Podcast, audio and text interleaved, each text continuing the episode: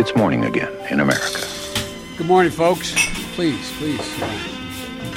Come on, let's go. Let's go get some coffee. Thank you very much. Det er mandag 17. februar, det er fem dager igjen til caucusvalget i Nevada, og morgenkaffen er servert. Dagens første sak, Bloomberg-kritikk fra Biden og Sanders. Supertirsdagen den 3. mars er bare et par uker unna, og med den kommer også Mike Bloombergs debut i valget. Kritikken mot Bloomberg har kommet fra flere hold i det siste, og Joe Biden og Bernie Sanders er foreløpig de siste som har rettet kritiske bemerkninger mot den tidligere New York-borgermesteren. I Nevada i helgen så var Sanders tydelig på at Bloomberg ikke vil være i stand til å generere oppslutning og energi i en kamp mot Trump i november. Innvendingene mot Bloomberg gikk ut på hans manglende vilje til å heve minstelønnen, skattlegge de rike samt regulere Wall Street. Bloomberg var i Virginia på lørdag, og en talskvinne for kampanjen hans tilbakeviste påstandene til Sanders ved å vise til at Bloomberg økte skatten for de rike under hans tid som borgermester. Joe Biden på sin side brukte søndagen til å delta på NBCs Meet the Press. Her gikk Biden til angrep på både Sanders og Bloomberg.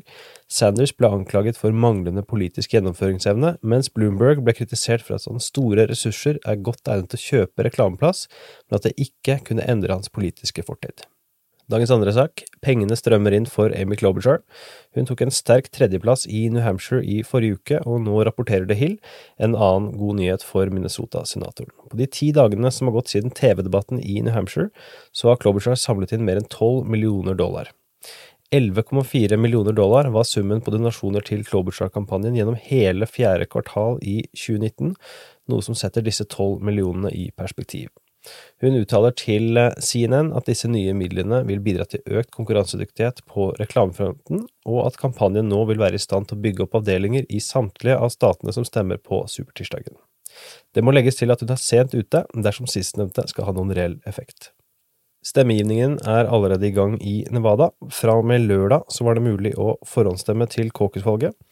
I enkelte lokale valgdistrikt i Las Vegas har velgere opplevd å stå i kø i over tre timer for å forhåndsstemme, og denne køproblematikken hos enkelte valglokaler skal være en kombinasjon av stort fremmøte og for lav bemanning av lokalene.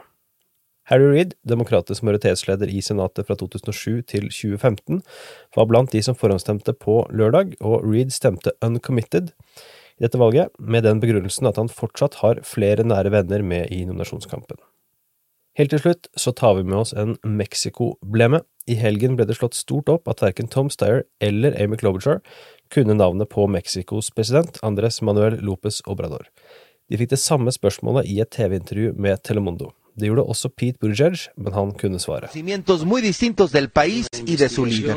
Do you know his name? I forgot. Tom Steyer dijo no recordar el nombre del mandatario, mientras que Amy Klobuchar dijo que sabe quién es el presidente de México, pero admitió no saber su nombre. But can you tell me his name? Uh, no. Pete Buttigieg fue el único que pudo nombrar a Obrador. Can you tell me who the president of Mexico is? Yeah, President López Obrador, I hope.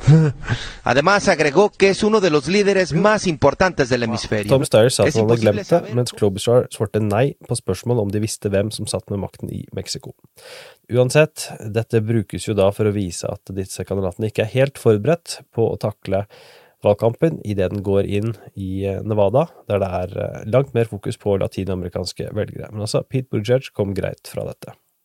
Søndag fikk Mayor Pete et spørsmål om hva det sier om ens Washington-erfaring dersom en sittende amerikansk senator ikke kan nevne navnet på Mexicos president. Henviser jo der til Amy Klobuchar, og Buttigieg svarte at forberedelser handler om mer enn antall år i Washington. Dagens utgave av Målkaffen er servert av Henrik Skotte og undertegnede Are Togoflaten.